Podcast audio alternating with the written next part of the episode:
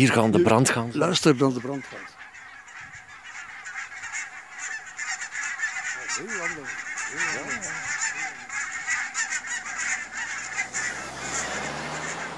Homo sapiens in een auto die passeerde.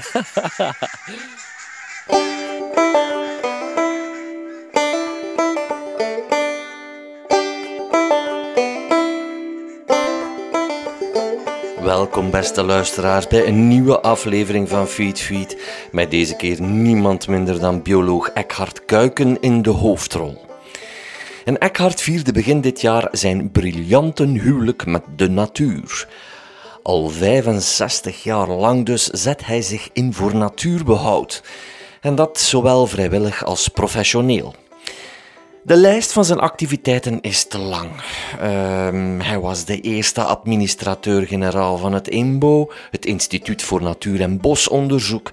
Hij maakte de opstart mee van Natuurpunt. Hij kende zelfs priester Zegers persoonlijk, de man die de wielenwaal groot maakte, de eerste ornithologische vereniging in Vlaanderen. En ik kan zo nog wel een paar kwartier doorgaan. Eh, ik ken hem meer van zijn ganzenonderzoek. Al 65 jaar lang volgt hij deze wintergasten van nabij op.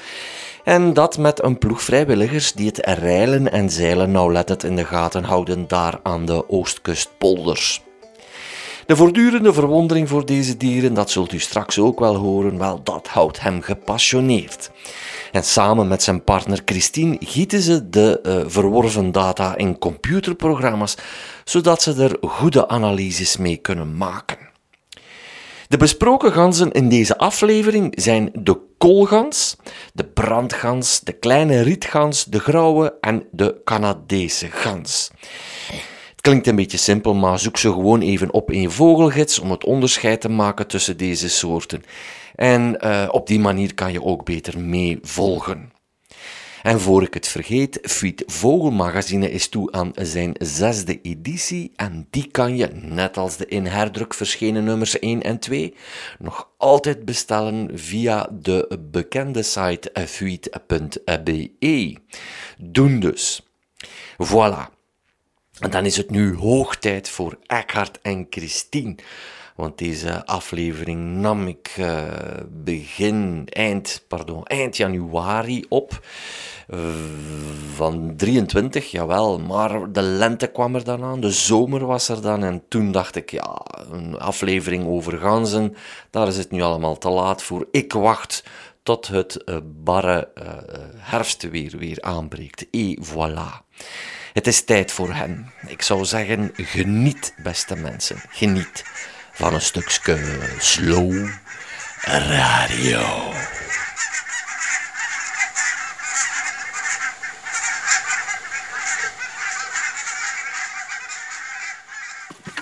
Dat is wel al geen moderne telescoop, maar die doet het nog altijd zeer goed.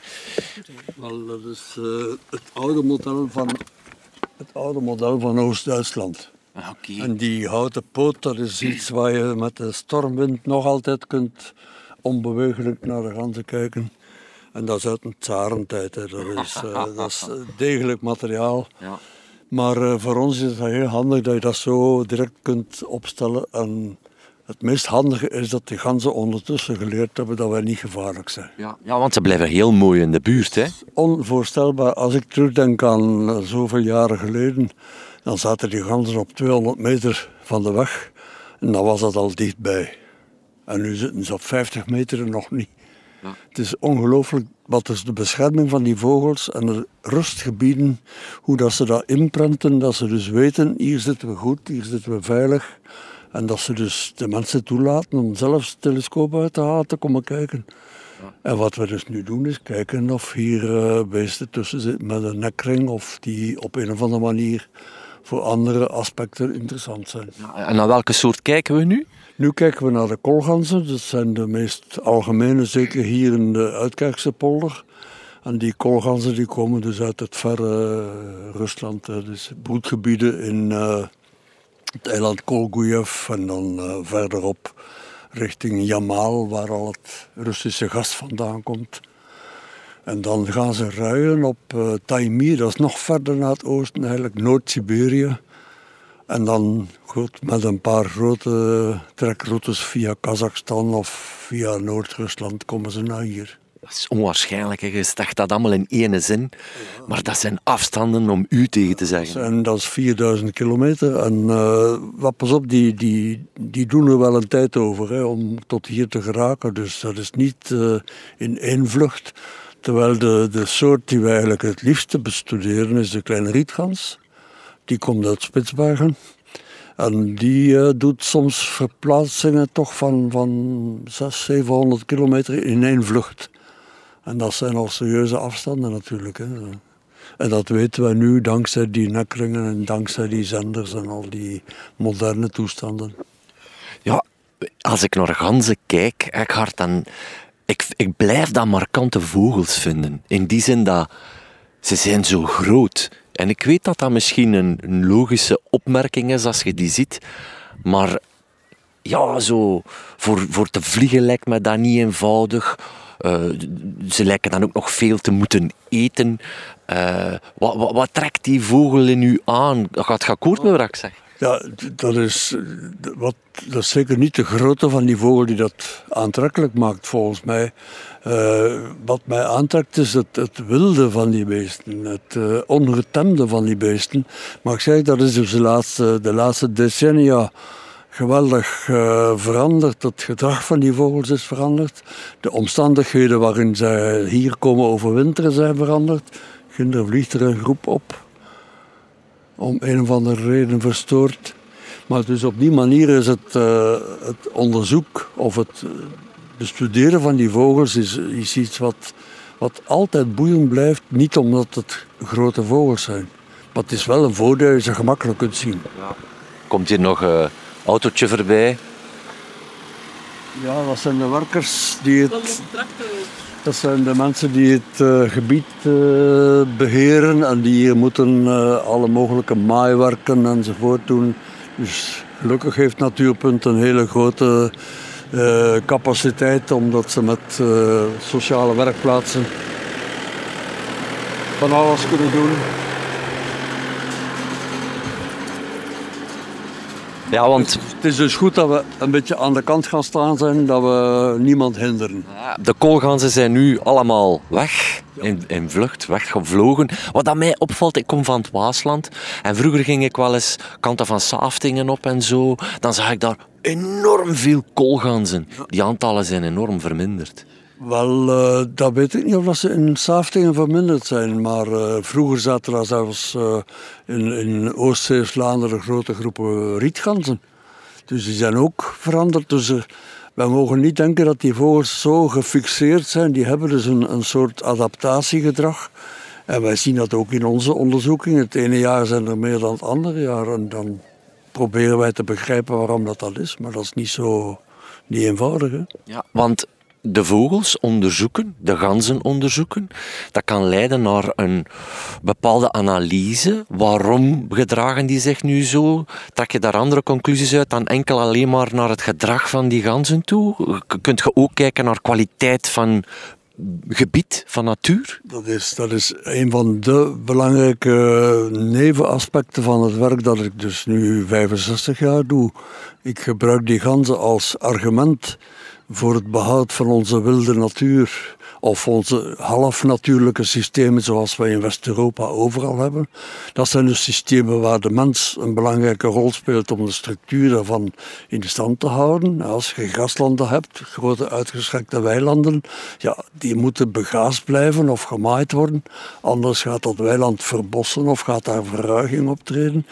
Maar dus het gebruik van gegevens uit uit de vogelwereld om die habitats goed te beheren, dat is juist de kunst om je, je wetenschappelijke inzichten om te zetten in adviezen naar beheer, naar ruimtelijke ordening en al die dingen. En dat is eigenlijk mijn grootste uitdaging geweest, altijd. En u doet dat al 65 jaar. Niet alleen gaat dat over, maar je moet dat nogal kunnen volhouden, maar binnen die 65 jaar kunt je daar waarschijnlijk al prachtige conclusies trekken in, die bewegingen die er allemaal aan de gang zijn. Ja, ik heb vooral 65 jaar geleden die ganzen ontdekt. Ik weet nog, ik was nog geen 15. En uh, ik kwam thuis tegen mijn moeder. Weet wat ik vandaag gezien heb? wilde ganzen. Ik heb nooit begrepen dat die ene zin die ik toen uitsprak mijn hele leven zou mee bepalen. Maar dus dat begin was eigenlijk beschrijven van wat we zagen. Dat was samen met Guido Burggraven, mijn compagnon de route. We waren altijd samen op stap. Dus de man die jarenlang conservator was van het Zwin. En dus wij hebben samen dan op 17 februari 58 die ganzen ontdekt in Damme. Er was niemand die wist dat wij overwinterende ganzen hadden in de regio. De enige die over de ganzen veel wist, dat was Graaf Lippens, de oprichter van het Zwinreservaat. Maar die kende de ganzen die passeerden in de kustregio in september en in het voorjaar. Dat waren dan de grauwe ganzen op weg van het noorden naar Spanje waar ze overwinterden. Mhm. En Lippens kende die beesten omdat hij als jager daarin geïnteresseerd was. Maar hij wist dus niet dat er in Damme, vijf kilometer, tien kilometer verder, uh, een paar duizend ganzen overwinterden. En door die ontdekking hebben we dat dan ook direct in het tijdschrift van de wielbaan meegedeeld enzovoort. Heb ik dan het geluk gehad dat ik uh, ja, als bioloog uh, daar mijn thesis kon over maken. Ik heb dan mijn doctoraat daarover kunnen schrijven en ik ben het dus blijven volgen niet alleen tellen, maar dus ook proberen te begrijpen, zoals je vraagt, hoe, hoe komt het dat wij die vogels hier hebben? Waarom komen ze naar hier en waarom niet ergens anders? Dat is bijna van dag op dag 65 jaar. Hè, want morgen, morgen 65 jaar. We gaan dat met een aantal vrijwilligers die al vele jaren, decennia sommigen, meehelpen tellen gaan we dan morgen een beetje vieren, even vertellen wat er allemaal te vertellen is over die ganzen. Maar het belangrijke is dat dat een, een, groep van mensen is die echt wel heel dynamisch bezig is.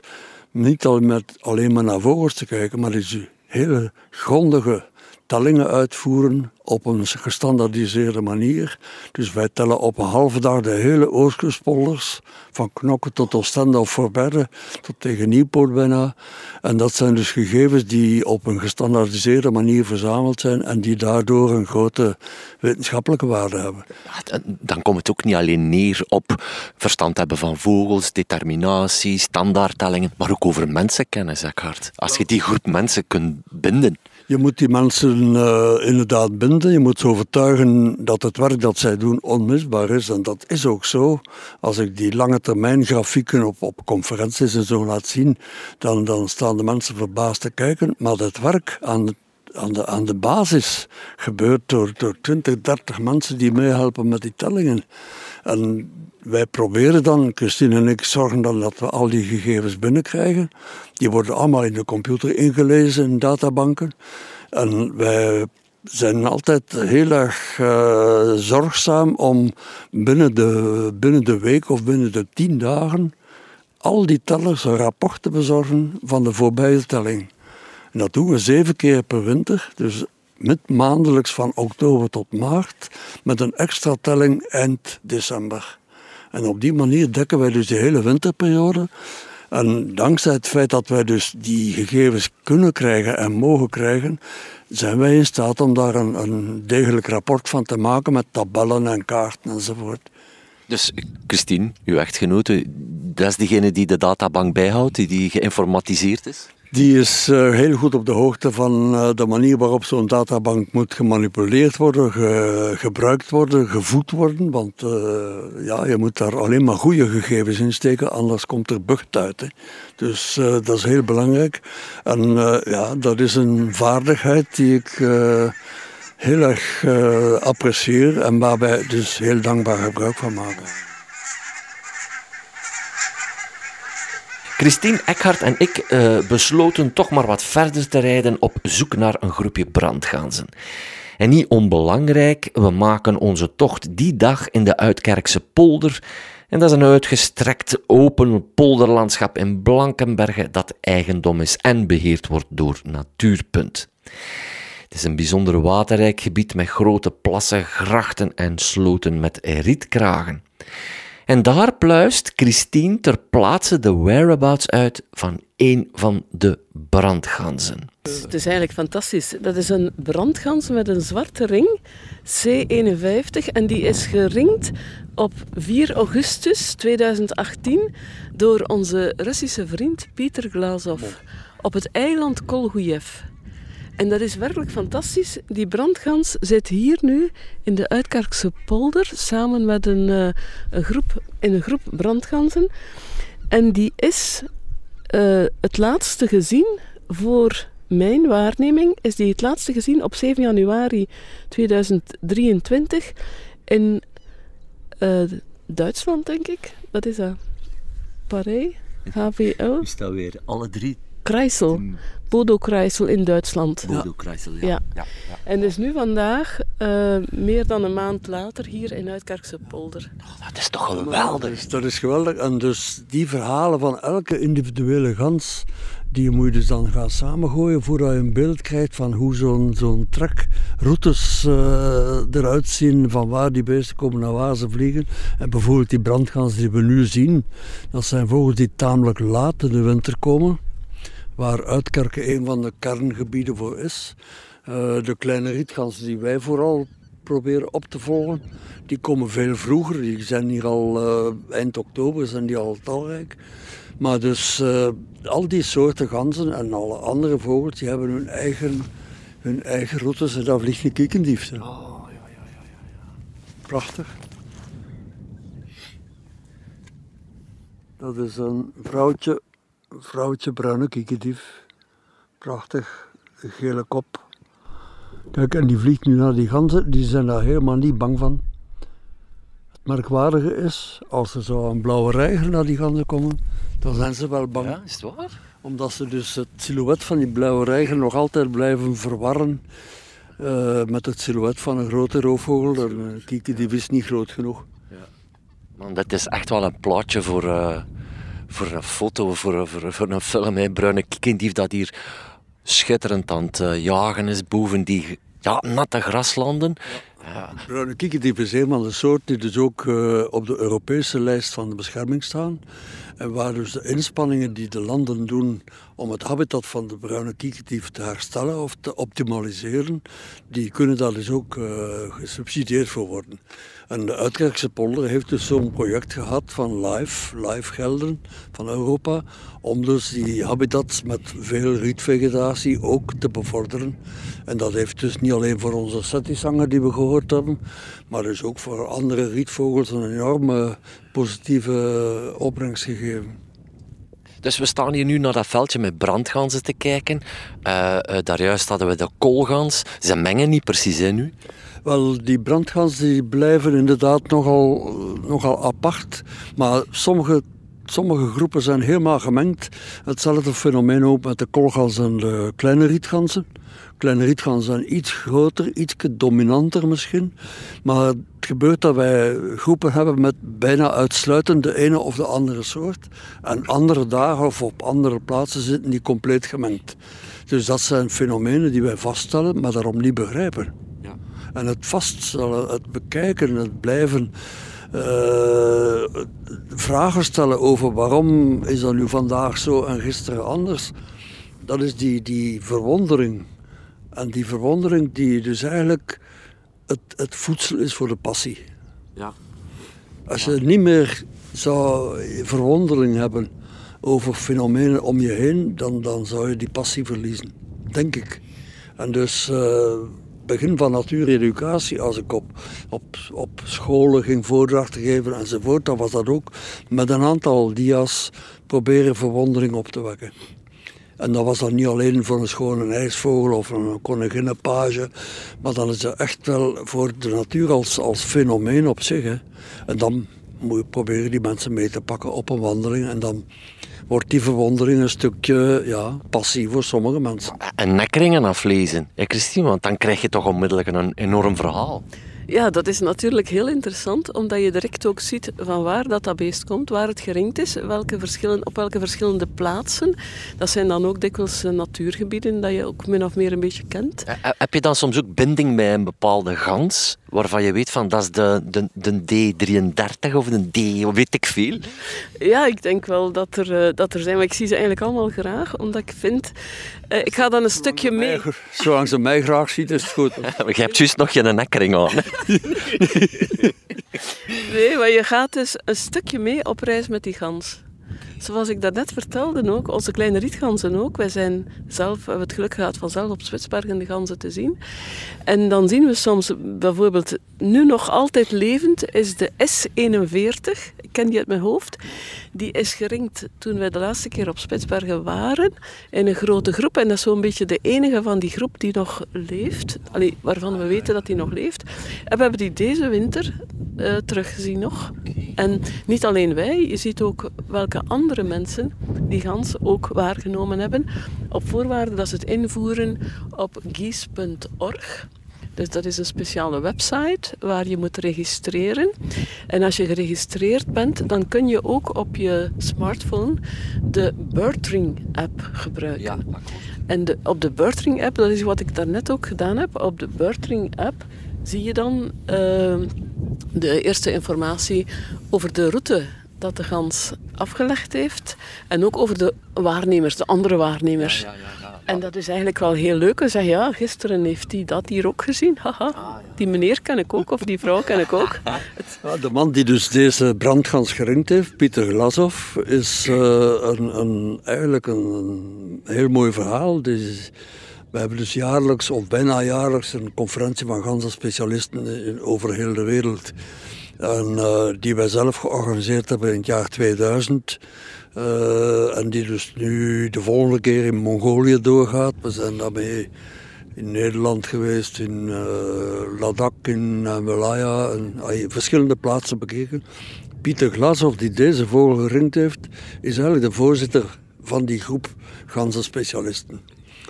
En die man die, heeft dus een, een, schitterende job in Moskou in het grote instituut. En met de oorlog in Oekraïne liet hij horen dat hij moet vluchten. En hij is naar Kazachstan gevlucht. En dus de voorzitter van de conferentie die we ooit gehad hebben in Odessa, ook een hele goede vriend van ons, die stuurde ook een mailtje. Ah, sorry wat er allemaal gebeurt, het is niet van onze kant dat dat komt. Maar uh, ik ben gevlucht naar Bulgarije met mijn kleinzoon, die blijft daarachter en ik ga terug om te vechten. Dat zijn de verhalen van de mensen die je dus kent. En dat is wat anders dan naar ganzen kijken. Hè. Ja, dat is wel waar. Kijk. En hier zie je dus uh, de kleine rietgans S41. dus je ziet dat die in totaal 244 keer gespot is. Zie je het? En hij is gespot, het gele, het gele dotje is de ring plek. Ja. En hij is ook in de zomer, omdat er ook een soort van uh, toerisme is naar Spitsbergen, de dag van vandaag, is hij zelfs daar gespot. En dan is hij vooral gespot hier in Vesteralen, in no uh, Noord-Noorwegen. In Midden-Noorwegen heel veel, dat is de regio Trondheim. En dan in uh, Denemarken, Jutland, Friesland. En dan gaan we inzoomen, um, dus meer dan 100 keer gezien, in de regio Oostende, allee, Brugge, Oostende, Knokken. Dus dat is hier eigenlijk de Oostkustpolders, zie je. Dat dat hier echt wel de plek is waar het beest uh, aanwezig is. En als ik kijk naar de, de aflezers, dan zie je dat de laatste aflezing gebeurd is door Rudy van Kleuvenbergen op 13 januari in Varsenaren aan de Westernieuweg. En de vorige aflezing was van ons, van mij, op uh, eh, 27 december in Spijen in Brugge in de regio dicht bij Brugge, een heel mooi gebiedje dicht bij Brugge. En Philippe van Nee heeft hem ook gezien. En Geert Jonkeren en zo verder. En, wat, dat, en wat dat, mij, dat, dat, is eigenlijk een soort Facebook voor vogelaars is dat eigenlijk. Hè. Gewoon elkaar beginnen opzoeken. Zeg maar, wat dat mij opvalt is, als je kijkt naar wat dat die zat, hè, dat was Spitsbergen geloof ik. Hè. Ja. hoe honkvast zijn die? Want die, die, die, die zitten dus eigenlijk onwaarschijnlijk dicht bij elkaar, die heen en terug. Ongelooflijk, dat is een van de fenomenen die wij dankzij dat individueel gemerkte vogels eh, te volgen. Dat fenomeen van die plaatstrouw is iets fenomenaal. En dus in de lange jaren dat we naar die ganzen kijken en dan sinds 1990 met die nekringen bezig zijn, dat is toch ook al een tijdje, uh, weten we dus dat die, die vogels inderdaad, uh, sommige vogels komen als ze naar de Oostkustpolders afzakken, alleen maar in de regio Dammen. Andere individuen zitten alleen maar in de regio Uitkerken nog andere, dat zijn er nomaden die trekken van een het ander. Die trekken zich niets aan van één bepaalde plek, maar die zitten in de hele polder. Duiken overal een keer op. En de laatste vijf jaar, de laatste ja, vijf, zes jaar, zijn er dus uh, neigingen bij de kleine rietganzen om echt buiten de polders te gaan voedsel zoeken. We hebben dat geprobeerd om op te volgen. Dat lukt vrij goed, dankzij vele vrijwillige medewerkers. En een van de motoren achter het veranderend gedrag van die ganzen is de verandering in de landbouw. Dus de toename van de teelt van maïs is dermate spectaculair, niet alleen bij ons, ook in Nederland, ook in Denemarken, dat die ganzen dus geleerd hebben om op de geoogste maïs de resten van die korrels te gaan opeten. Dus overal waar de laatste jaren, ook in Nederland, ook in Denemarken, veel maïs geoogst wordt, blijkt dat die kleine rietgans dat mee opvolgt. Hebben we het dan over het consumeren van suikers? Dat gaat over graan. En graan wordt, uh, is, is uiteraard voedselrijker dan, dan, dan het gas uh, dat ze moeten normaal eten. Maar dus door het feit dat dat een nieuwe goesting is, een mooi woord, de goesting. Die ganzen hebben een nieuwe goesting gekregen. Verklaart dan een keer als wetenschapper. dat, is, dat is iets anders. hè? Je kunt het alleen vaststellen. Wij beschrijven wat er gebeurt. En wij hopen dat dat ooit zal begrepen worden. En misschien met genetisch onderzoek, wie weten we allemaal. Maar dus wat wij vaststellen is dat door de teelt van de maïs en de goesting van de ganzen voor die korrels, dat ze dus ook nu buiten de porrels ook in de zandstreek wordt er veel maïs gekweekt, uiteraard. En zijn ze dus hun poldertrouw aan het verliezen. En gaan ze dus op exploratie tot... Je gaat nog naar het Waasland moeten komen. Wel, uh, er zijn daar nog niet zoveel, uh, nog niet zoveel uh, ganzen gezien. Maar vroeger in Oost-Zeeuws-Vlaanderen zaten er heel erg veel. West-Zeeuws-Vlaanderen zitten er veel. Maar nu moeten we dus onze tellingen gaan uitbreiden voor de kleine rietgans. Tot tegen de IJzervallei. En dat is natuurlijk een, een heel merkwaardig fenomeen, want de IJzervallei is het kerngebied voor de koolganzen. Koolganzen en kleine rietganzen zitten gemengd samen, komen samen in de hele, in de hele kuststreek voor. Kleine rietganzen hebben voorkeur voor de oostkustpolders. Veel koolganzen ook, maar het bastion van de koolganzen is de laatste decennia is de IJzervallei. Dus waarom die soorten zich toch met een verschillende van, van verspreiding een beetje gescheiden houden. Wij hebben daarover proberen na te denken en waarschijnlijk is er een soort competitie tussen die twee soorten. Ze eten alle twee gas. Uh, ze zitten alle twee in grote groepen, dus ik kan me voorstellen dat er op een gegeven moment rond het voedsel wel enige discussie is tussen die vogels.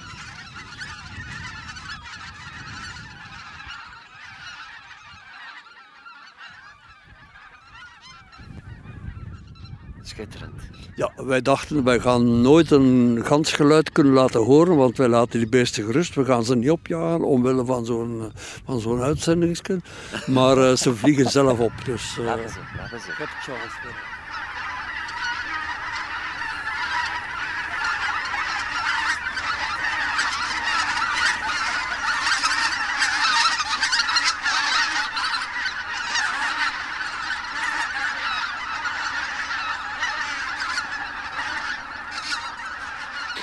Wat aan mij ook ter oren is gekomen, dat die kleine rietgans, waarvan je daar juist sprak, die op Spitsbergen broedt, dat die ook op Nova Zembla zit. Ja, mm, dat verhaal hebben wij met enige aarzeling kenbaar gemaakt. Uh, het is een, een recente ontdekking die nog niet gepubliceerd is. En we moeten daar een beetje, een beetje ethisch mee bezig zijn. De lancering van die hele kennis wordt eh, volgende maand vanuit Denemarken uh, publiek gemaakt. Denemarken is het epicentrum rond ganzenonderzoek? Uh, ongeveer het epicentrum rond het ganzenonderzoek. Onze vriend Jasper Matsen is ook de man die in 1990 begonnen is met die nekringen. Uh, maar ja, ik ben iets ouder dan Jasper Matsen, dus ik ben al langer met de ganzen bezig dan hij. Maar we zijn wat dat betreft wel uh, ja, een, een, een, goed team, laat ons zeggen. Maar, dus de, de, de, ontdekking dat er dus uh, kleine rietganzen broeden op Nova Zembla, Dat is, die, die eer moeten we zeker aan hem laten om dat breed, breed aan te kondigen. Ondertussen de Settisanger. Maar dus de, de, het werk rond die kleine rietganzen met de nekringen is natuurlijk enorm boeiend, omdat er nieuwe trekroutes niet alleen in Nova Zembla, maar dus ook via Finland en, en, en, Zweden ontdekt zijn. En door daar dan te gaan ringen, zijn daar dus nieuwe consequenties uitgevolgd. Bijvoorbeeld die nieuwe broedgebieden, dat was vroeger niet geweten. En dus ja, zo blijft het boeiend, ook als wetenschapper, om je beschrijvende ecologie te blijven volhouden. Ja. Zelfs als je geen verklaringen vindt, het nauwkeurig beschrijven, bijhouden van fenomenen is, is ongelooflijk belangrijk. Uh, u spreekt over ringen, maar ondertussen is ook het zenderen erbij gekomen. Hè? Die zenders, dat is natuurlijk een, een, een schitterend verhaal. Uh, ik heb het voorrecht om daar voor ons land ook uh, de beest te mogen volgen. ik moet daar ook voorzichtig mee zijn met kenbaar maken. Maar dus door die gezanderde vogels, er zitten er op dit moment eh, 14 in Vlaanderen, weten we dus ook wat die beesten s'nachts doen. We weten heel veel van die ganzen, omdat we hele dagen in de polder zitten. Maar wat ze s'nachts doen, dat is niet zo simpel. Dus we hebben nu een, vrij goed overzicht van de verschillende gebieden waar ze s'nachts komen, uh, komen overnachten, komen slapen. En nu blijkt daaruit, dankzij die zenders, dat dat dus vooral de gebieden zijn waar via natuurontwikkeling nieuwe waterrijke gebieden zijn ontstaan. Dus bijvoorbeeld hier in de Uitkrijgse polder, het, het opstuwen van het water heeft geleid tot het herstel van die waterrijke graslanden, die hier altijd waren vroeger, hè, zoals we hier zien. Maar dus die worden nu specifiek gebruikt door die ganzen om te overnachten. Dus dat is een van de, van de fenomenen die uh, dankzij die, die gezenderde vogels kunt opvolgen. Je kunt het daarmee nog niet verklaren. Je kunt alleen denken, ja, dat zal de relatie zijn met die natuurinrichtingswerk. Maar blijkt dus dat er zenders zijn die ook al een keer een nacht tussen die maïs gezeten hebben. Dus ja, wij gaan dat gedrag van een vogel, wij willen dat graag in hokjes stoppen en begrijpen. Maar de goesting van die vogels, dat is al even erg als onze goesting. Ja. En waarom kijken we naar vogels en waarom niet naar ik weet niet wat? Ja, dat is onze goesting. Ja, ik, ik wilde eigenlijk al conclusies trekken door te zeggen van, ah, voilà, door die nieuwe waterrichting zie je dus dat er inderdaad een effect is en dat dat weer gezond is. Maar zo snel gaat het niet bij een wetenschapper. Hè? Het, het is een duidelijke vaststelling dat het, uh, het, het, resultaat van die natuurinrichtingswerken ongelooflijk groot is. Uh, op verschillende soorten, dus dat, dat mag je vaststellen. Maar de verklaring hoe de vogels dat vinden en hoe daarop uh, op langere termijn, want dat gaat niet van tien jaar op het maar hoe gaat een populatie kieviten, een populatie grutto's, die hier als broedvogel zitten, hoe gaan die daarop reageren? Dat is pas de meest boeiende vraag die we ons moeten stellen. Die ganzen die trekken hun plan. Die vinden die gebieden en als de gebieden er niet meer zijn, vinden die ergens anders een, een onderkomen. Maar onze broedvogels, onze weidevogels, dat zijn de meest kwetsbare soorten. En daar moeten we veel, veel zorg voor dragen. Goed, ik heb de ganzen altijd als ambassadeurs van de polders voorgesteld. De kleine rietganzen. Ik heb dat ook voor aanleiding van 25 jaar vogelrichtlijn, Europese vogelrichtlijn, een stuk geschreven voor Europa over Kleine Rietgans als ambassadeur van de waterrijke polders. Maar dus die ambassadeur is ondertussen met de maïs uh, ook buiten de polders verdwenen. Dus niet verdwenen, maar ook gaan, gaan zich ophouden buiten de polders. Dus onze ambassadeur is niet meer zo trouw als wij dachten. Maar het blijft een schitterende soort om te pleiten voor het behoud van hele grote gebieden. En hetzelfde met de broedvogels, zoals die slopbeenden en die zomertalingen enzovoort. Die hebben grote, veilige, rustige gebieden nodig. En daar moeten we voor zorgen. En dan komt uh, ja, hopelijk de herstel uh, van een aantal populaties toch weer op gang. Ja. Eigenlijk, wat, Christine? Het zit er vol met goudplevieren. Dat is werkelijk heel mooi. Oh, schitterend, schitterend. Gewoon eens even kijken. Ik zag dat pas Kemphaan ook. Hè. Ja, ik zie ze zitten. We daar juist vlogen ze op en ik dacht goudplevier te zien, maar jij zag kemphanen. Ah, twee schitterende soorten. Ah, wat zijn twee schitterende soorten. En uh, ja, we zijn wel niet zo fanatiek dat we alleen maar naar de ganzen kijken. Hè. Dus, uh... Zeg maar, als ik even over die technische vooruitgang mag, want ja, Christine, jij krijgt daar heel veel mee te maken, want jij krijgt die data binnen en jij moet die Jij moet niks. ik moet niks. ik moet niks. Maar jij gaat die verwerken. We, we, we gaan die verwerken, maar nu heb je het over de teldata en zo. Ja, ja, ja. ja, ja, ja, Wel, dat is gewoon het, het verzamelen, het goed, het zorgvuldig verzamelen van uh, gegevens. Dat, dat ik hoe belangrijk. Dat is heel belangrijk en dat moet nauwkeurig zijn. Uh, maar we hebben gelukkig een fantastische crew van uh, tellers. Dus de hele Oostkustpolder is opgedeeld in zeven grote telgebieden. En we hebben nu ook voor die uitbreidingszone, wat ik er net vertelde, dat ze zich ook een beetje westwaarts uh, uitbreiden. Hebben we fantastische mensen die, sommigen bijna dagelijks, de groepen die daar zijn, die ze de afvalligen noemen. De afval, afvalligen van de... De afvalligen die dus naar mijn streken misschien afzakken. Nee, nee, ja? het Waasland, het Waasland, nee, hoor, nee. Het is ook fantastisch mooi dat dat ook allemaal op waarnemingen komt. Waarnemingen.be en mensen zien wat is er te zien en, en gaan ook kijken, gaan nauwkeurig tellen. Dus mensen hebben ook fantastische de dag van vandaag. Uh, beschikken over vrije tijd. Het is, een, het is boeiend. En het is niet Eigenlijk alleen zijn jullie... plezier. Ze, ze doen er echt wel een heel goed werk mee. Eigenlijk zijn jullie voortdurend bezig met meer en meer in de kop te kijken van een vogel. Hè? Wat doet hij en waar, waarom en waar gaat hij naartoe? Ja, en wij blijven ons verbazen over de kop van de mensen die dat ook willen proberen te begrijpen. En dus uh, mensen die van Antwerpen komen om hier nekringen af te lezen. En, en dat, is dus, dat is dus meer dan alleen maar goesting. Hè. Dat is die vraag van wat zit daarachter. En uh, de kop van een vogel kunt je observeren, je kunt die beesten zien kijken, omhoog gaan kijken, heel aandachtig naar boven en dan moet je ook kijken. Dan vliegt er een keer heel erg hoog, dan kun je een grote roofvogel over of zo. En ze hebben dat gezien voordat je het ziet. Ja. Als ineens alle ganzen opvliegen, veel lawaai maken, dan blijkt twee seconden later dat er een helikopter op komst is. Die zij al gehoord hebben, zij zijn al weg voordat wij hem gehoord hebben. Die helikopter is natuurlijk een van de grote problemen aan het worden voor de ganzenpleisterplaatsen. Omdat dus de toenemende vrije tijdsbesteding en kapitaalkrachtige mensen die toeristische vluchten maken. En bijvoorbeeld Damma is natuurlijk prachtig uit de lucht. Maar die helikopters met hun toeristenvluchten naar Damme, die jagen dus elke keer duizenden ganzen op. En daar is dus heel moeilijk een regelgeving voor te maken. Dit zijn allemaal vogelrichtlijngebieden met een Europese bescherming.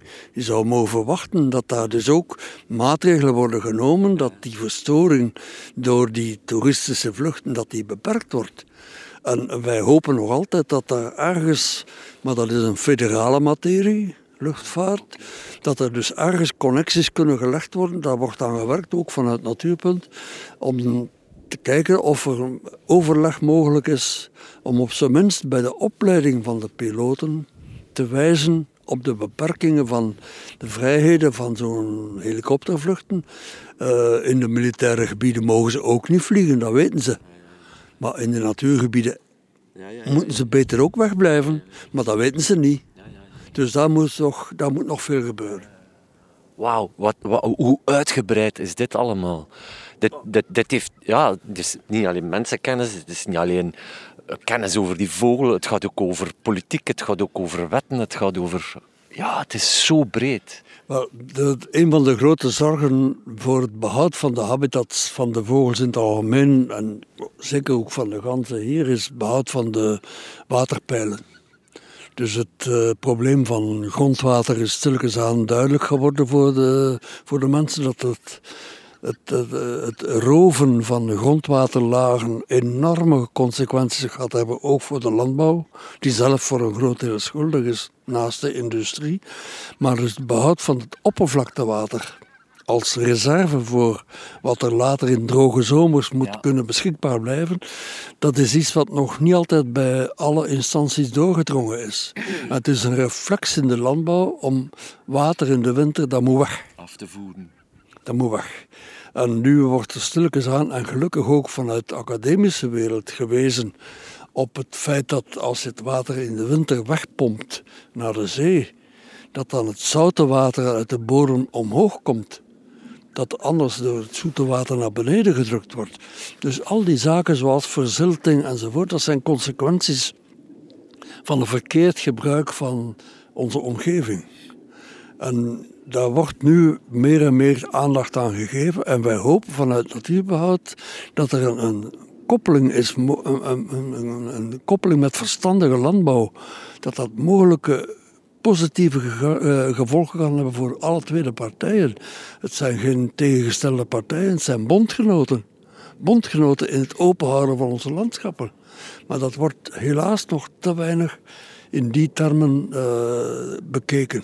Zoals je daar juist zei, het cliché dat mensen die van de natuur houden alleen maar natuur zouden willen en daarom alles beginnen claimen. Ik heb in, in 1980 al in, in landbouwtijdschriften geschreven hoe wij als grootste bondgenoten samen moeten opkomen voor het behoud van de open ruimte en in het kader van ruimtelijke ordening en al die vergunningen enzovoort, zou dat heel belangrijk zijn, moesten wij samen onze stem kunnen laten horen en niet denken dat we tegen elkaar moeten opkomen. Mm -hmm. Maar als hier jaren, jaren ganzenconcentraties toegenomen zijn, kan ik begrijpen dat er vanuit landbouw gezegd wordt, ja maar die beesten eten mijn gras op. En dat is een van de aspecten die ik met mijn eigen onderzoek begonnen ben in de jaren 60 al, om te kijken hoe de effecten van ganzenbegrazing op graslanden, op landbouw, hoe daar moet mee omgegaan worden. En ook met de mest? En uiteraard met de mest, maar dat is een, helaas een heel ander verhaal geworden over de stikstof. Maar dus de ganse begrazing, in het begin was dat dus op sommige plaatsen was dat dus zo uh, geconcentreerd, omdat er weinig beschermde gebieden waren. Zat die ganse talt in een paar kleinere gebieden en daar was dan overbegrazing. En daar hebben we er altijd voor gepleit dat daarvoor een vergoeding gegeven wordt. Uiteraard. Maar dus nu door de grotere oppervlakte beschermde gebieden, uh, door de inspanning van de Vlaamse overheid, het agentschap Natuur en Bos doet schitterend werk, Natuurpunt koopt grote terreinen aan, er zijn beschermde gebieden via Europa. Dus door die oppervlakte die toegenomen is, kunnen die ganzen zich ook meer gaan verspreiden. En daardoor is de druk van die begrazing op die kleinere kerngebieden van vroeger is die veel minder groot geworden. En er is tegelijkertijd, ook door de Vlaamse overheid, een hele goede regeling uitgewerkt dat als er nog schade is, dat daar een vergoeding voor voorzien wordt. Dat wordt getaxeerd, dat wordt door de overheid gedaan. Dat gebeurt behoorlijk uh, objectief. En daarvoor kunnen dus ook onze telgegevens, de gegevens over de aantallen, over welke soorten dat aanwezig zijn, die kunnen daarvoor gebruikt worden. Ja. De, um, de grauwe gans die zie je nu op veel plaatsen heel het jaar door. Dat was vroeger niet. Nee. Heb je daar een, een, verklaring voor? Welk fenomeen is dat? Dat, is een heel oud fenomeen. Uh, de graaf Luppes is al een paar keer te sprake ja. gekomen. De oprichter van het Zwinreservaat. Die had als uh, grote voorbeeld uh, de Engelse Lord Sir Peter Scott. Sir Peter Scott is de oprichter van een heel groot watervogelgebied in Slimbridge, in, aan, in de buurt van Bristol. En die heeft daar een watervogelcollectie uitgebouwd, waar dus heel veel mensen komen kijken. Een soort openlucht zoo, met alle mogelijke watervogels. En Lippes heeft dat voorbeeld gevolgd in Swin. Heeft daar ook beginnen watervogels uh, tam houden. Uh, had dan ook kooien met daarin steltlopers en zo. Dat was eigenlijk geen zicht, eerlijk gezegd. Gelukkig is dat voorbij. Maar Lippes had dus wel grauwe ganzen ingevoerd, gekortwiekt, om daar in het zwin te laten broeden. Ik spreek nu van het jaar 54, 56. En dus ik heb die eerste grauwe ganzen uiteraard ook nog gezien. En dat waren helaas grauwe ganzen van een verkeerde ondersoort. Dat waren de oostelijke grauwe ganzen, met een heel andere, zwaardere snavel, andere kleur. En dus uh, door die ingevoerde ganzen die in het zwin gingen broeden en die daar jongen kregen, die bleven hangen, die werden gekortwiekt, konden niet, niet wegvliegen. Daardoor is dus een lokale populatie grauwe ganzen ontstaan. Maar op een gegeven moment waren er zoveel dat ze niet al die jongen meer konden vangen. Dat die beginnen uitvliegen zijn, dat die zijn beginnen mengen met de grauwe ganzen die hier passeren in de septembertrek. Sommige van die vogels zijn blijven hangen, sommige zijn meegevlogen. Dat is dus één grote, ja, één grote mixed geworden van onze geïmporteerde of, of kunstmatig geïmporteerde grauwe ganzen van het Zwin en de wilde populaties. Maar dat is dus ik spreek nu van de jaren 50, 60. Ondertussen zijn die kenmerken van die oostelijke grauwe ganzen door de genetische eh, verdunning zijn weg. Die kenmerken zijn weg. Dus wat wij nu hebben als broedvogels op heel veel plaatsen in Vlaanderen, ik weet het aantal broedvogels weet ik niet, maar dat zijn er hele vele, vele honderden, is die gouden gans eigenlijk een, een inheemse broedvogelsoort geworden. Maar de herkomst is dus eigenlijk gestimuleerd door te beginnen met gevangen vogels, maar heel lang geleden waren ze grauwe gans. Dat was een soort van Scandinavië die daar broedde en die dus bezig was met uit te breiden naar het westen. Ja. Uh, en zo hebben we nog soorten. De aalscholven idem dito. Dat is een soort uit Scandinavië die vroeger op een paar plaatsen broedde, die uitge, uitgeroeid werd omwille van de vissers. En dit is nu ook door een hele massale opschuiving vanuit het noorden is heel West-Europa, is de aalscholver een, een, vrij gewone soort geworden. Ja, ja, ja, dus dat zijn fenomenen bij vogelsoorten die wij kunnen vaststellen, die wij proberen te begrijpen, dat lukt niet altijd. En waar we dan moeten kijken naar beheer van de habitats, wat we daarmee doen. Ja. Dat zijn dus zo cultuurfenomenen waarin dat de mens weer een rol speelt. Dat is een beetje hetzelfde verhaal. Dat is niet hetzelfde verhaal, maar de Canadese gans die voor vele mensen hier ook aanwezig is en overal wordt gezien, wordt dan door bepaalde mensen bekeken als ja, dat is een exoot en we moeten dat toch indammen. Je hoort daar ook bepaalde uh, stemmen in. De ene zegt van ja, dat moet weg, de ander zegt van ja, maar je kunt dat toch niet tegenhouden. Wat is uw mening daarover? Wel, dat is uh, een van de, van de problemen aan het worden in het natuurbehoud in het algemeen. De soorten die hier op een of andere manier zijn geraakt, uh, meestal zijn dat dan toch wel hefbomen via menselijke ingrepen. Eh, de Canadese gans in, 19, in de jaren 1700 ingevoerd in Noorwegen, of waar was het? is als parkvogel ook tot bij ons heel erg populair gebleven. Tot die parkvogels ook op een gegeven moment zijn, zijn gaan uitzwermen. Zoals die grauwe ganzen uit het Zwin zijn uitgezwermd. Gezwormen? Nee. Uitgezwermd? Uitgezwermd. Laat, laat ons aannemen ja, zoiets. Niet. Maar dus, uh, hoe dan ook, die gouden ganzen is uh, één verhaal. De Canada-ganzen is een ander verhaal. Maar Canada-ganzen zijn toch wel meer mensgebonden geweest altijd. En hebben dus door dat parkachtige karakter waar ze zich altijd ophielden, dat waren parkvogels, uh, zijn die nog altijd eigenlijk niet te beschouwen als echte wilde aanwinst voor onze fauna. Het feit dat de Canadaganzen de grote aantallen bereiken, is omdat ze ja, heel agressief zijn. Uh, een beetje onverdraagzaam naar andere vogelsoorten toe. Uh, wat betekent dat in sommige natuurgebieden dat dat conflicten geeft met de plaatselijke broedvogels. En de Canadagans heeft uh, gelukkig dan de gewoonte om in hele grote groepen te gaan ruien. Dus rui, dat betekent dat ze hun vliegvermogen verliezen gedurende een aantal weken.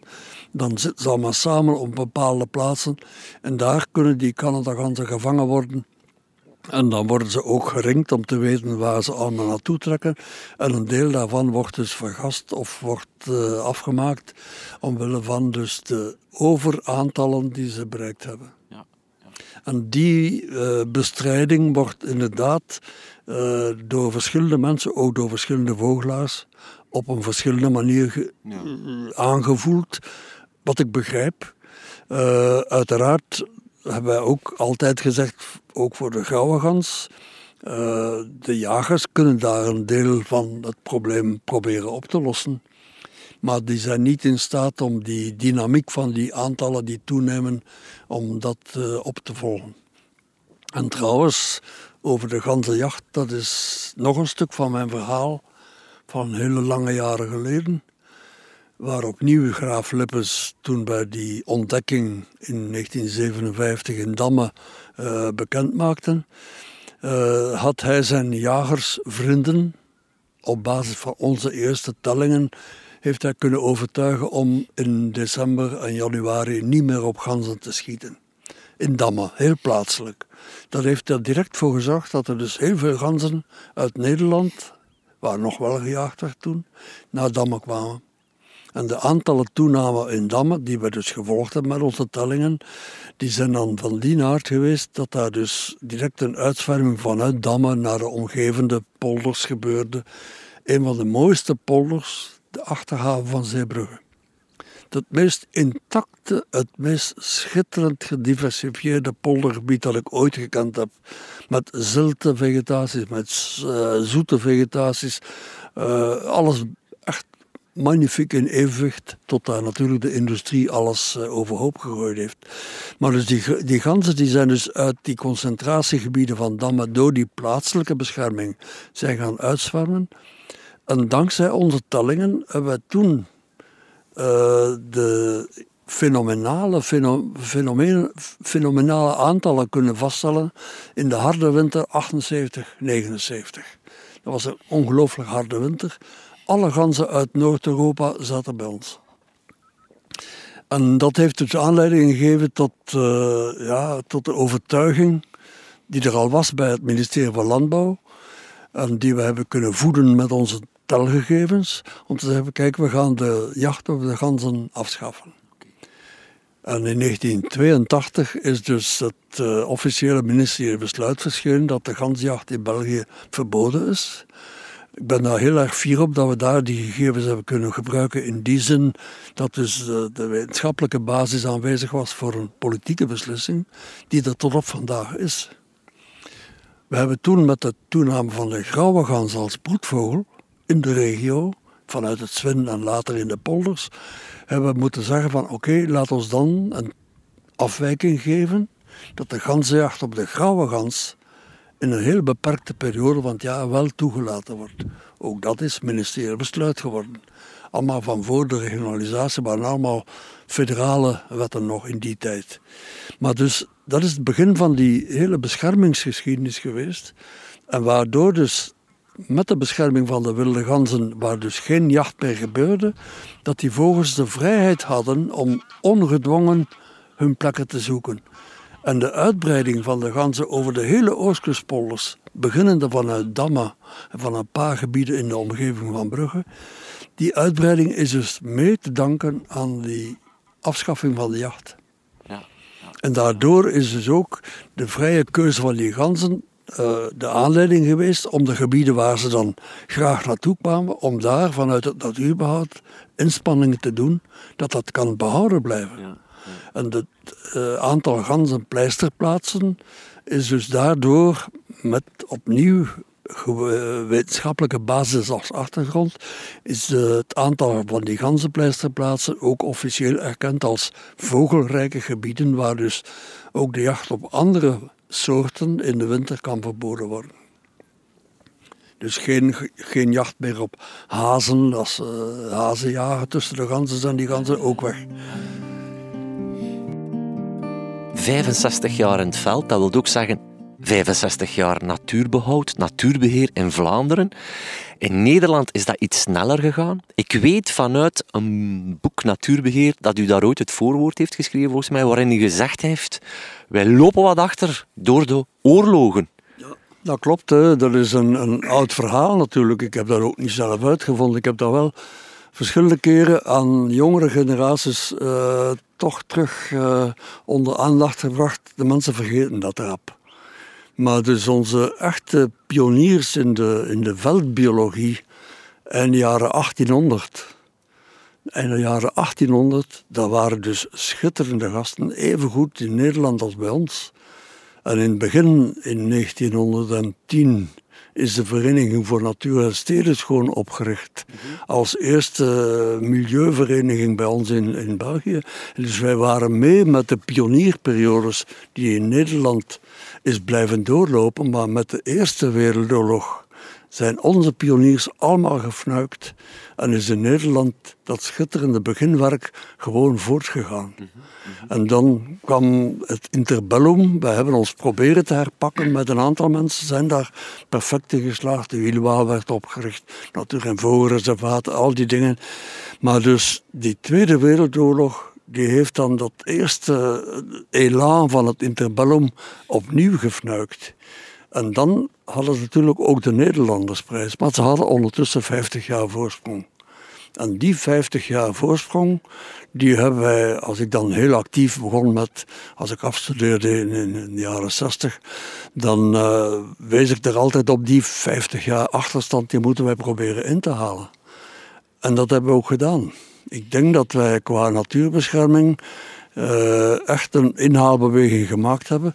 Maar er blijft een verschil in mentaliteit. Ook daar wijs ik dikwijls op. Uh, wij zijn een beetje, wij liggen tegen Frankrijk en daar steekt het allemaal niet zo nauw. In Nederland, het, zeker het gereformeerde Nederland, daar is alles veel strenger, veel serieuzer. Wordt veel meer rekening gehouden met de regelgeving. En dus alles wat daar gebeurt is iets meer geordend dan het l'improvist bij ons. Ja, uh, ik kan dat alleen maar beamen. Ook de popularisering liet hier eventjes op zich wachten, maar daar mogen we nu ondertussen niet meer van klagen. Hè, met reeksen als Onze Natuur en... Wel, die, die popularisering was eigenlijk al uh, direct uh, na, de, na de Tweede Wereldoorlog was al, was al volop bezig hoor. Dus het herpakken van de natuur, natuurstudie, natuurverenigingen na de Tweede Wereldoorlog is zeer snel gegaan. Hè. U, u hebt Pater Segers gekend? Uiteraard, ja. Ik heb met Segers in zijn lange, hoe heet dat, een kazuifel of zoiets. Ja, ja. Maar wacht, en voor de, voor de luisteraars even duiden dat Pater Segers dus de, de stichter was van de Wielewaal. Ja, ja. Die, is, uh, die heeft de Wielewaal opgericht in 1933. Ik ben met hem op excursie geweest met de wielwaalafdeling Brugge in het jaar 56, 57 tot 59. Ik weet nog dat hij een keer mee geweest is op een weekend naar uh, Cap Griné. En waar dan natuurlijk, ja, dat was dan zondags, dan moest eerst iedereen naar de mis. Ik was toevallig, ja, niet nodig in die mis. Dus ik was ondertussen naar de vogels gaan kijken. Maar ik weet toch heel goed, die, die periode dat dus ja, de weekends die begonnen de zondag elke keer met de hele groep die naar de mis ging. Ja, die man die wel zaadjes geplant, hè? Die heeft ongelooflijk veel gedaan. En uh, voor mij ook was dat impressionant de manier waarop, ja, als je 15 jaar bent, dan, dan begrijp je dat niet. Maar later heb ik dus wel begrepen wat een impact die man heeft gehad. En dan zijn er dan, maar dat was op zijn campus. En dat was nogal ja, echt regionaal getint. Dus die afdelingen van de Wielewaal, like bij ons in Brugge en in Oostende enzovoort, dat waren heel andere mensen. Hè. Dat was een, een, regionaal verschil dat eigenlijk tot op vandaag bestaat. Hè. Dat, is, dat is gelukkig dat niet allemaal de mensen hetzelfde zijn. Ja, maar die eigenheden, dat is ook misschien wel typisch voor Vlaanderen en misschien ook wel bijzonder uh, goed om uh, vast te houden. Maar Even terug, ja, wil je nog iets? Ja, wel, het verhaal van, van de Wielewaal is dan dat uh, door de, de, de, bijna ja, enkel, enkel naar vogels te kijken, waren er toch wel mensen die verder wilden iets met de omgeving, met de natuur enzovoort gaan doen. En zo zijn dus verenigingen ontstaan die, die dus veel breder gingen kijken. En een andere organisatie, dat was de Belgische Natuur- en Vogelreservaten, die in 1951 werd opgericht. Die ging dan heel specifiek zoeken naar het uh, vrijwaren van grote natuurgebieden. En daar kwamen opnieuw uh, mensen zoals Graaf Lippes aan pas. En, uh, dus die hebben dan eigenlijk hun eerste realisaties als, als begin van echte natuurbescherming kunnen, kunnen naar buiten brengen. Dat was een schitterende uitgave van een bulletin dat elk jaar verscheen. de Wielenwaal had een maandelijks tijdschrift. Maar dus al die communicatie die heeft dus inderdaad steeds meer mensen aangezet om zich met natuur bezig te houden. Ik ben zelf lid geworden van, van BNVR, dus Belgische Natuur- en Vogelreservaten in, ik denk in 55 of in 56. Dus zij bestonden heel erg kort pas. En ik heb dus die hele evolutie tot het huidige natuurpunt mhm. kunnen meemaken. Dat is spectaculair. Ja. Ja, absoluut. Hè. Als je ziet ook qua ledenaantallen dat er nu zijn en, en welk een hart dat er nu gedragen wordt voor de natuur. We staan hier in de Uitkerkse polder. Die verwezenlijking is er ook niet zomaar gekomen. Dat is het uh, levenswerk van, van John Wagompel en zijn groep. En zijn groep. Uh, John Wagompel, die, die ooit nog bij mij in de klas gezeten heeft toen ik leraar biologie was. En die dus uh, ja, een van mijn oudste poulains is, als ik het zo mag zeggen. Maar die heeft hier dus iets gerealiseerd dat niemand voor mogelijk hield. En zo zijn er gelukkig in Vlaanderen op een aantal plaatsen gebieden die door de inzet van een aantal echt gebeten vrijwilligers die erin geslaagd zijn om daar iets van te maken. Ik denk bijvoorbeeld de Blankaart het gebied van de Blankhout en de de, en de IJzervallei, dat zijn gebieden die door de inzet van een aantal mensen geweldig zijn kunnen groeien en eh, op dit moment een, een internationale betekenis hebben. Die, zo die pioniers hè, waar je nu over spreekt, dat moeten toch ook wel een beetje activisten geweest zijn. En vooral omdat er op dat moment niet echt oog voor was. Misschien was politiek-economische er heel wat belangen. Dus het was dat niet in die tijd wat meer ellebogenwerk dan dat het nu eigenlijk een beetje, hoe moet het zeggen, mensen eh, vinden dat het een recht is dat er natuur is? Um, dat is een moeilijke. De, de ellebogenwerk, wij waren zo fanatiek bezig dat als er iets verkeerd ging in die natuur. Dat je dat... Ik hoor een veldleeuwerik, sorry ze.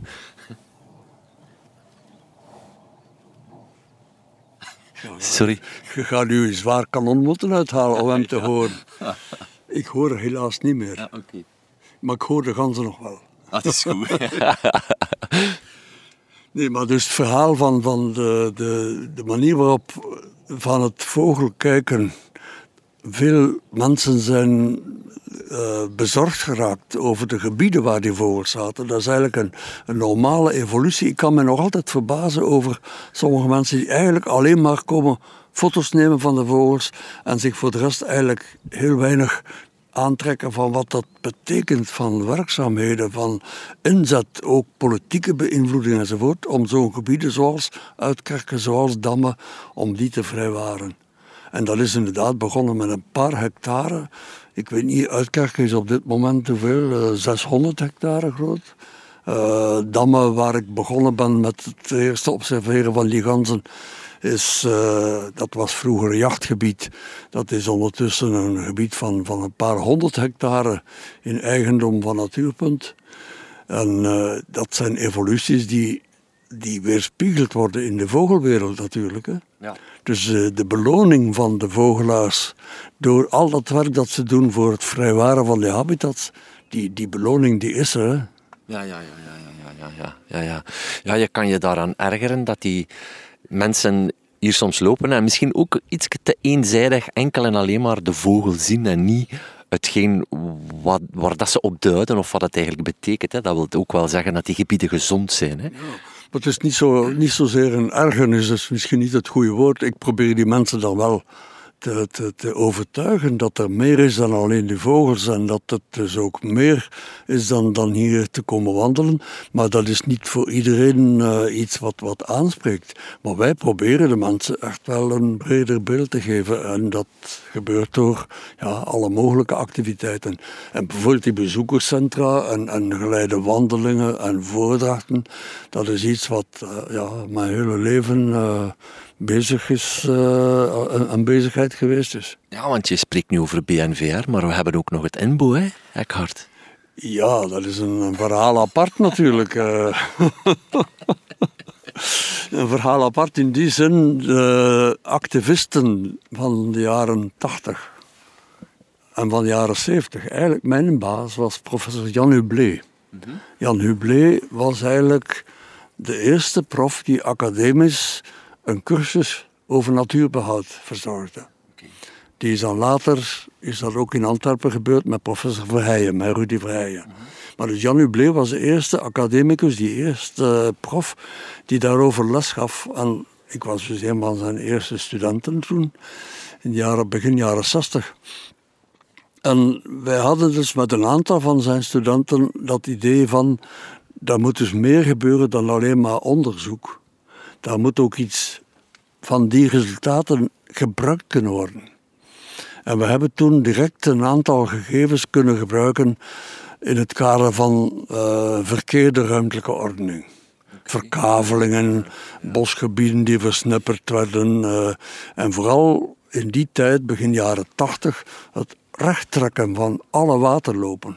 Het ontwateren van alle valleigebieden, dat was de, meest normale zaak van de wereld.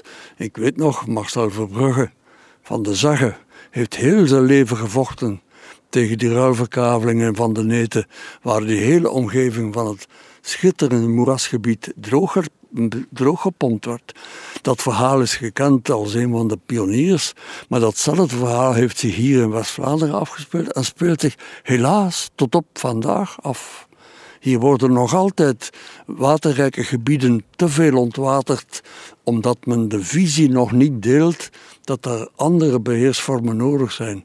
Maar dat hele verhaal heeft dus eigenlijk zijn oorsprong bij een aantal wetenschappers die inderdaad hun, hun kennis hebben gebruikt om, om daar iets mee te gaan doen.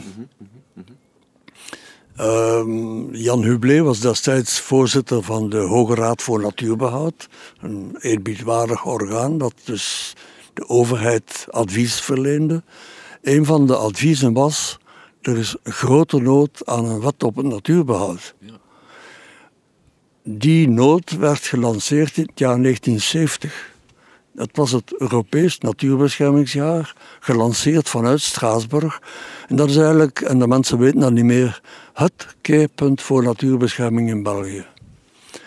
Er zijn toen, en dat was toevallig een jaar met gemeenteraadsverkiezingen, zijn toen een aantal burgemeesters een, een symbolische boom beginnen planten en zo van die dingen. Een briefje voorlezen over milieu waar ze nog nooit over gesproken hadden. Maar dat is een keerpunt geweest. We hebben dat keerpunt met een aantal mensen in de academische wereld kunnen aangrijpen om te zeggen, kijk eens, er is genoeg wetenschappelijke evidentie om een aantal zaken anders aan te pakken. En Hublé was dus voorstander om dat via de kanalen van adviesverlening naar de overheid toe te formaliseren, ook in een wettelijk kader. En de wet op natuurbehoud, die je altijd bepleit heeft, is er pas gekomen in 1973. In die wet op natuurbehoud stonden duidelijk een aantal zaken die ook met ruimtelijke ordening te maken hadden. Ja. Maar ruimtelijke ordening, als je vergelijkt met Nederland, bij ons was al een pijnlijke zaak tot en met. De wet op ruimtelijke ordening was pas van het jaar 62, 63. Veel te laat. Dus ondertussen was de hele weder, wederopbouw van de oorlog chaotisch verlopen en daar zitten we nog altijd mee tot op vandaag.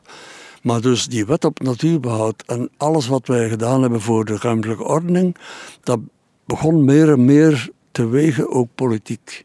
En minister Akkerman destijds, jaren 80, die was wat wij noemden de natuurramp voor Vlaanderen. Dat was de man en de mensen uit het Waasland, uh, André Verstraten die je kent en dergelijke, die hebben daar ook heel erg veel op gehamerd dat daar iets moest veranderen. En op het einde van zijn carrière is Akkermans dan toch wel bijgedraaid en heeft hij het initiatief genomen onder druk van Jan Hublé en de wet op het natuurbehoud die dat voorzien had, heeft hij eindelijk dat instituut voor natuurbehoud uh, opgericht. Toen kwam de hele selectie voor de, wie, moet daar uh, de baas gaan zijn enzovoort. En zo ben ik daar uit de bus gerold. Met uh, verbazing bij velen, uh, evidentie bij anderen, verbazing bij velen die dat niet begrepen dat je als politiek ongebonden persoon een leidinggevende functie in de overheid kon krijgen. Maar ik heb dat dus met fierheid gedragen. Maar we zijn wel van in het begin zwaar gehandicapt geweest door politieke beslissingen om ons in Hasselt te huisvesten in een onmogelijk gebouw uh, ver van Brussel, waar alles moet van adviezen op de tafel gelegd worden. Dus we hebben tien jaar echt wel handicap gehad in de beginjaren van het Instituut van Natuurbehoud, tot we naar Brussel konden verhuizen. Toen eindelijk, en dat was niemand minder dan de Limburgse politicus Steve Stevaart, die zei Eckhart zegt, je zit hier niet op uw plaats in Limburg, jij moet met uw instituut naar Brussel verhuizen. En zo zijn wij in 1995 eindelijk echt kunnen starten met een, ja, een personeelbestand van 25 mensen en vijf jaar later hadden we 125. Dus die toename van de impact en de mogelijkheden door een instituut dat op zijn plaats zit, die impact die blijft tot op vandaag voelbaar. En gelukkig zijn de opvolgers die na mijn pensioen de zaak overnamen, erin geslaagd om dat uh, hele instituut een, een, uh, ja, een onmisbare plek te geven. Dat is een geweldig verhaal. Hè? En ah, ik weet ook dat je ooit tegen mij gezegd hebt van ja, er zijn ook momenten geweest dat we heel veel verwezenlijkingen opeens van tafel zagen geveegd, omdat je politiek met een aantal zaken rekening moet houden.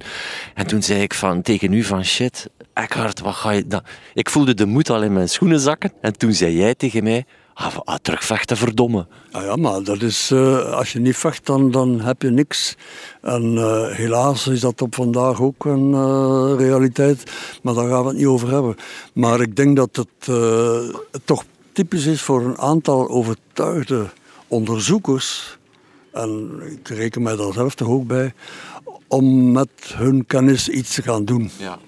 Er zijn ondertussen toch wel een hele reeks mensen die uh, ik denk aan Patrick Meijer en consorten, die dus echt vanuit hun wetenschappelijke ervaring een, een schat aan kennis hebben die ze kunnen toepasbaar maken en die daar ook voor uitkomen, die daar ook voor vechten. Ik denk het behoud van de Schelde als, als overstromingsgebieden, like Kruipwijk enzovoort, is puur te danken aan de volhoudendheid van een aantal onderzoekers die de overheid met veel moeite en lange, lange jaren hebben kunnen overtuigen. Het gaat niet gemakkelijk, maar we moeten blijven streven. Ik zou het geen vechten noemen. Het is echt opkomen voor je zaak en uh, liefst niet meer vechten. Vanaf het moment dat je die eerste wilde ganzen zag en naar huis kwam en zei: Ik heb wilde ganzen gezien tot een dag van vandaag. Waarom doe je dat allemaal? Ah, dat is een passie uh, en daar wordt niet gevraagd waarom doe je dat. dat is, ik kan daar geen antwoord op geven. Ik kan wel zeggen dat uit die passie en mijn onderzoek als, als, als bioloog, uh, dat daaruit dus een, een bezorgdheid gegroeid is. En die passie die blijft bestaan. Als ik hier dagen uh, samen met Christine naar de polders kom en, en, en de ganzen afzoek en, en ja, ik weet niet hoeveel keer per jaar die tellingen uitvoer, dan is dat passie. Maar ik weet dat de gegevens die we, die we verzamelen, dat die ook bruikbaar kunnen gemaakt worden. Maar vanuit uw wetenschappelijke analyses moet er toch ook een soort overtuiging zijn dat natuur een wezenlijk onderdeel is van, allez, een beetje groot uitgedrukt, van onze planeet, van onze aarde en dat je daarom ook voor moet opkomen. Daar zijn we, daar zijn we gelukkig uh, niet alleen mee. Dat, uh, dat inzicht is gegroeid en het is ook internationaal gegroeid. En een van de zaken die ik moet danken aan het ganse onderzoek dat ik gedaan heb, is dat ik in het uh, streven naar behoud van de habitats van die beesten, dus de waterrijke graslanden, de natte graslanden, die het voorkeurhabitat zijn voor die ganzen, de ijver die we gehad hebben om zo'n gebieden zoals Uitkerken, zoals de Blankaart, zoals Damme, als graslandcomplex te behouden, te bepleiten, uh, daar stonden we niet alleen in. En terug in de geschiedenis, in 1972, dus twee jaar na het fameuze uh, natuurbeschermingsjaar, uh, werd ik geroepen om België te vertegenwoordigen op de conferentie in Ramsar in uh, Iran. Die handelde over het aannemen van een conventie voor het behoud van wetlands, van waterrijke gebieden. het jaar 1971 was dat. Ik heb daar het eerste rapport voorgesteld. Elk land dat daar vertegenwoordigd was, moest dus een, een rapport voorbrengen. Ik heb toen het eerste rapport gemaakt van waterrijke gebieden in België. En met dus de kennis van al die vogelaars, al die wetenschappers, al die mensen die te velden vogels geteld hebben, hebben we dus vertaald in een eerste rapport. En dat rapport heeft dus samen met de andere 18 landen die toen op die conferentie in Ramsar aanwezig waren, is dus eigenlijk de basis geweest van een wetgeving internationaal die dus de lidstaten die dat aanvaarden, een conventie moet je aanvaarden, die dus daar gaan voor zorgen dat de wetlands behouden blijven of dat daar op zijn minst een zorg aan besteed wordt. Eckhard Kuiken en Christine Verscheuren in een aflevering van zo'n 80 minuten. Ja, u begrijpt dat dit toch maar het topje van de ijsberg is van wat deze mensen meegemaakt en gedaan hebben voor de natuur de afgelopen jaren. En hoorde u de koolganzen nog roepen? De koolganzen hebben een eerder lachende roep, terwijl de brandgans, onder andere te horen aan het begin van deze aflevering, een iets wat hogere blaffende roep hebben, zoals Eckhart dat zelf zo mooi omschrijft. Voilà, dan uh, rest mij nog Eckhart en Christine te bedanken voor de ontvangst in de Uitkerkse polder. En niet vergeten mijn vogelvoorstelling Kijk nog even in de kijker zetten. Sorry voor deze flauwe woordspeling, kon het niet laten.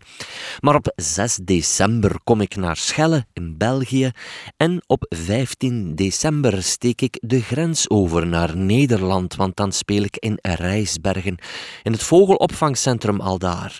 Voor meer details kijk op mijn website begijnlebleu.be. En dan sluit ik nu af met een paar quotes van Eckhart. Misschien niet de meest optimistische, maar wel realistisch.